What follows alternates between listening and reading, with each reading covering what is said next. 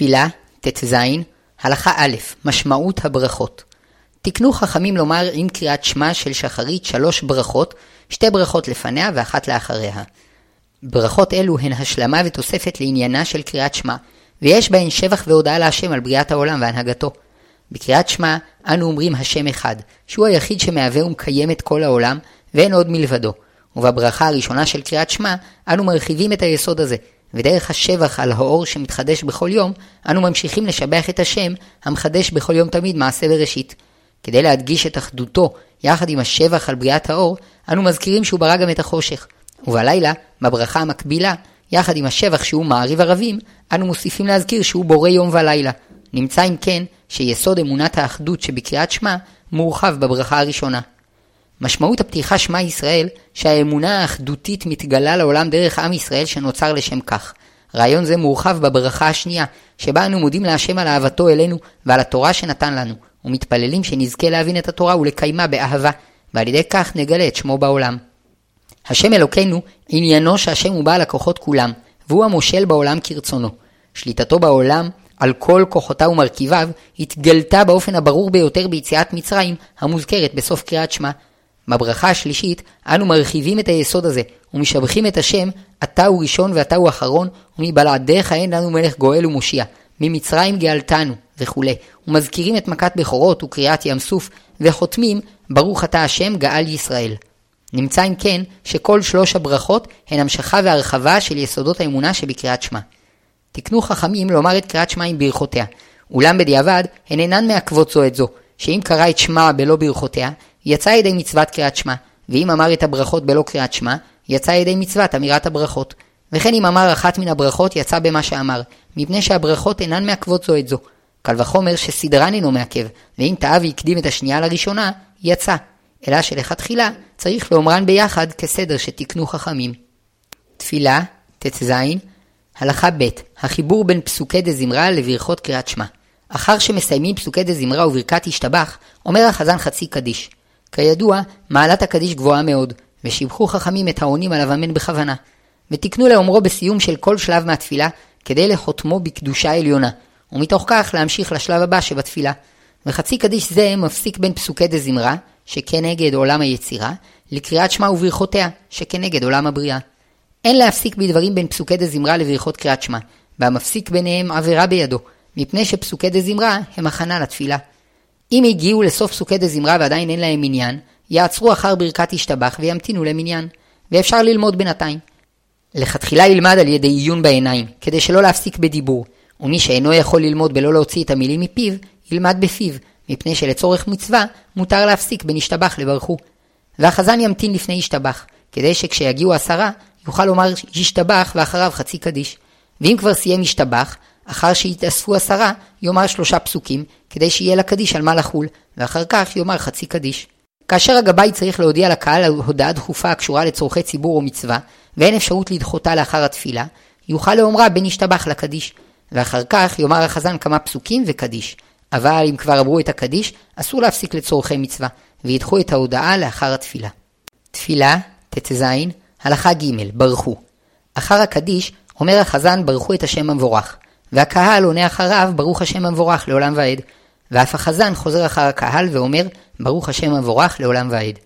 עיקר עניינו של ברכו, לפתוח את ברכות קריאת שמע, שבהכרזת ברכו, קורא החזן למתפללים לומר את ברכות קריאת שמע, ואף שאפשר לאומרו גם כשבח בפני עצמו, עיקר תקנת אמירתו, כאן, כדי לפתוח בו את ברכות קריאת שמע. לכן צריך להשתדל לסיים את פסוקי דזמרה וברכת השתבח לפני ברכו, כדי שמיד אחר ברכו, יתחיל בברכות קריאת שמע. ורצוי אף לדלג לשם כך על שירת הים. אבל מי שעדיין לא הספיק לומר את ברכת השתבח שבסיום פסוקי דזמרה, אף שענה ברוך השם המבורך לעולם ועד, יסיים את הברכה ואחר כך ימשיך בברכות קריאת שמע. נחלקו המנהגים בשאלה אם צריך לעמוד בעת שעונים על קדיש וברכו. למנהג רוב הספרדים אין צריך לעמוד בעת עניית דברים שבקדושה, אבל מי שכבר היה עומד צריך להישאר לעמוד בקדיש וברכו.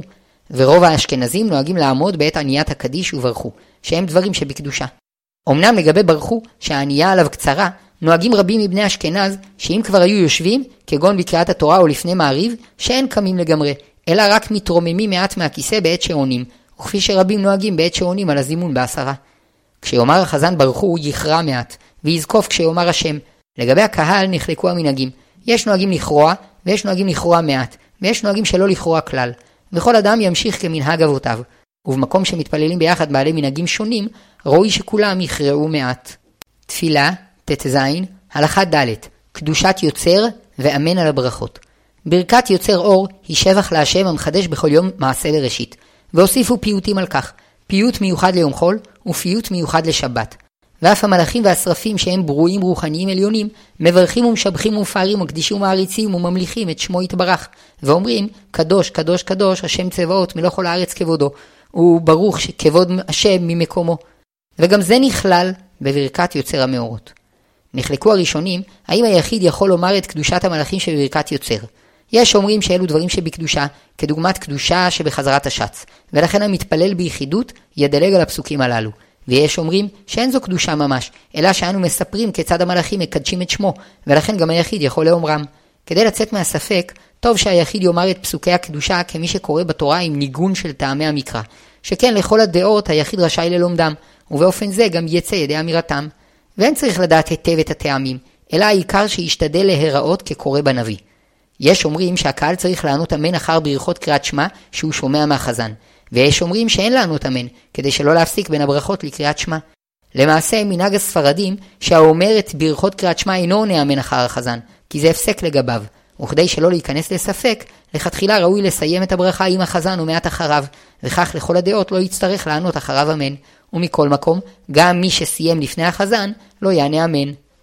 ומנהג אשכנזים, לענות אמן אחר ברכת יוצר המאורות בשחרית, ואחר ברכת המעריב ערבים וגאל ישראל בערבית. אולם, את הברכה הסמוכה לקריאת שמע, משתדלים לסיים עם החזן ומעט אחריו, כדי שלא יצטרכו לענות אחרי האמן, ויפסיקו בכך בין הברכה לקריאת שמע. אמנם מי שכבר סיים את הברכה ושמעה מהחזן, צריך לענות אחרי האמן. תפילה, ט"ז, הלכה ה' עניית דברים שבקדושה בברכות קריאת שמע. לדעת מהר"ם מרוטנבורג, בשעה שאדם אומר קריאת שמע וברכותיה, לא יפסיק לענות על קדיש וקדושה. שהואיל והוא עוסק כבר בשבחו של מקום, אסור לו להפסיק כדי לענות על שבח אחר. אבל דעת רוב הראשונים, שלצורך שבחים גדולים שנאמרים בציבור, רשאי אדם להפסיק אפילו באמצע ברכות קריאת שמע, וכן הלכה. כשיפסיק, יענה רק על הדברים החשובים ביותר, ואלו הם, בקדיש, יש אומרים שיענה רק אמן יש מרבה מבורך לעלם ולעלמי עלמיה, וכן יענה אמן אחר דאמירן בעלמה ואמרו אמן, שהוא סיום עיקר הקדיש. ויש מוסיפים ואומרים שיענה את כל חמשת האמנים שנוהגים לענות בעיקר הקדיש, שנקרא חצי קדיש, אבל התוספות שאחר כך אינן עיקר הקדיש, ולא יפסיק לענות עליהם אמן. בקדושה יענה רק את הפסוקים קדוש וברוך, שהם עיקר עניית הקדושה. ויש אומרים שיענה גם פסוק ימלוך, וכך המנהג הרווח. אבל לא יאמר את הפתיחה שהחזן אומר לפני כל פסוק. על ברכו יענה כמקובל, ברוך השם המבורך לעולם ועד. ובמודים של חזרת השץ ישתחווה ויענה מודים אנחנו לך, ולא יותר. למנהג אשכנזים, עונים אמן על ברכות האל הקדוש ושומע תפילה, שבהן מסיימים את ברכות השבח וברכות הבקשה. ומנהג ספרדים, דינן כשאר הברכות ולא יענה עליהן. אין הבדל בדין זה בין אם הוא נמצא באמצע הברכה והפרק, או בין ברכה לברכה ובין פרק לפרק. וכל מה שאפשר לענות הוא באמצע הברכות או אחר סיומן, אבל אחר שאמר ברוך אתה השם של סיום ברכה, ונותרו לו עוד מילים ספורות לחתימת הברכה, לא יפסיק, מפני שאם יפסיק, יקטע את הברכה. וכן בשעה שיאמר פסוק שמע ישראל וברוך שם כבוד וכולי, שבהם מקבלים עול מלכות שמיים, לא יפסיק לשום דבר, שדינם כדין תפילת שמונה עשרה, שאין מפסיקים בה לשום דבר. כל אימת שאדם מסתפק אם מותר לו לענות או לא, מוטב שלא יענה, שכן לדעת הרבה פוסקים, אף שמותר לענות, אין בכך חובה. ולכן בכל מקום של ספק, מוטב שלא לענות. תפילה, ט"ז, הלכה ו', הפסקה מפני אדם מכובד. כדי למנוע שנאה ועלבונות, התירו חכמים לומר שלום באמצע קריאת שמע וברכותיה לאדם שהנימוס מחייב זאת.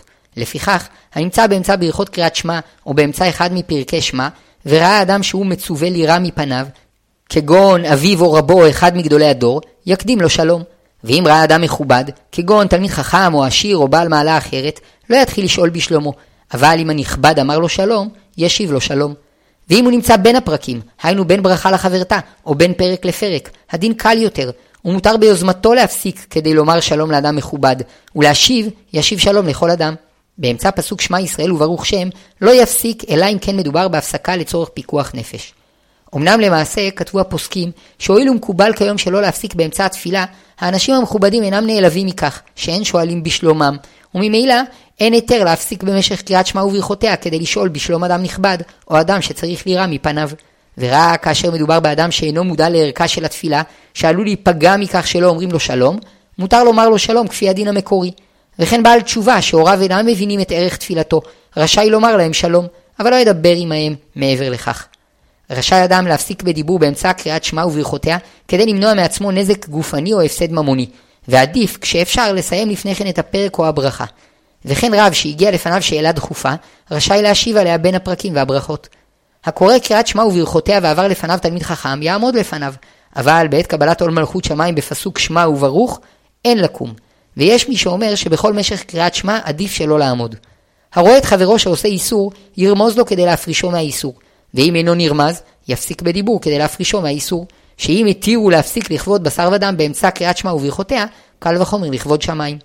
אין ראוי לאסוף צדקה באמצע ברכות קריאת שמע, כדי שלא לבטל את המתפללים מכוונתם. מכל מקום, אם עני הגון ביקש ממנו צדקה, אפשר לתת לו. תפילה, ט"ז, הלכה ז', שמיכת גאולה לתפילה. אף על פי שאמירת קריאת שמע וברכותיה היא מצווה בפני עצמה, ותפילת עמידה מצווה בפני עצמה, צריך לסומכן זו לזו ואסור להפסיק ביניהן. ואמרו חכמים, שכל הסומך גאולה לתפילה, הרי הוא בן העולם הבא. ואם שמחן כתפילת ותיקין, מובטח לו שלא יינזק בכל אותו היום.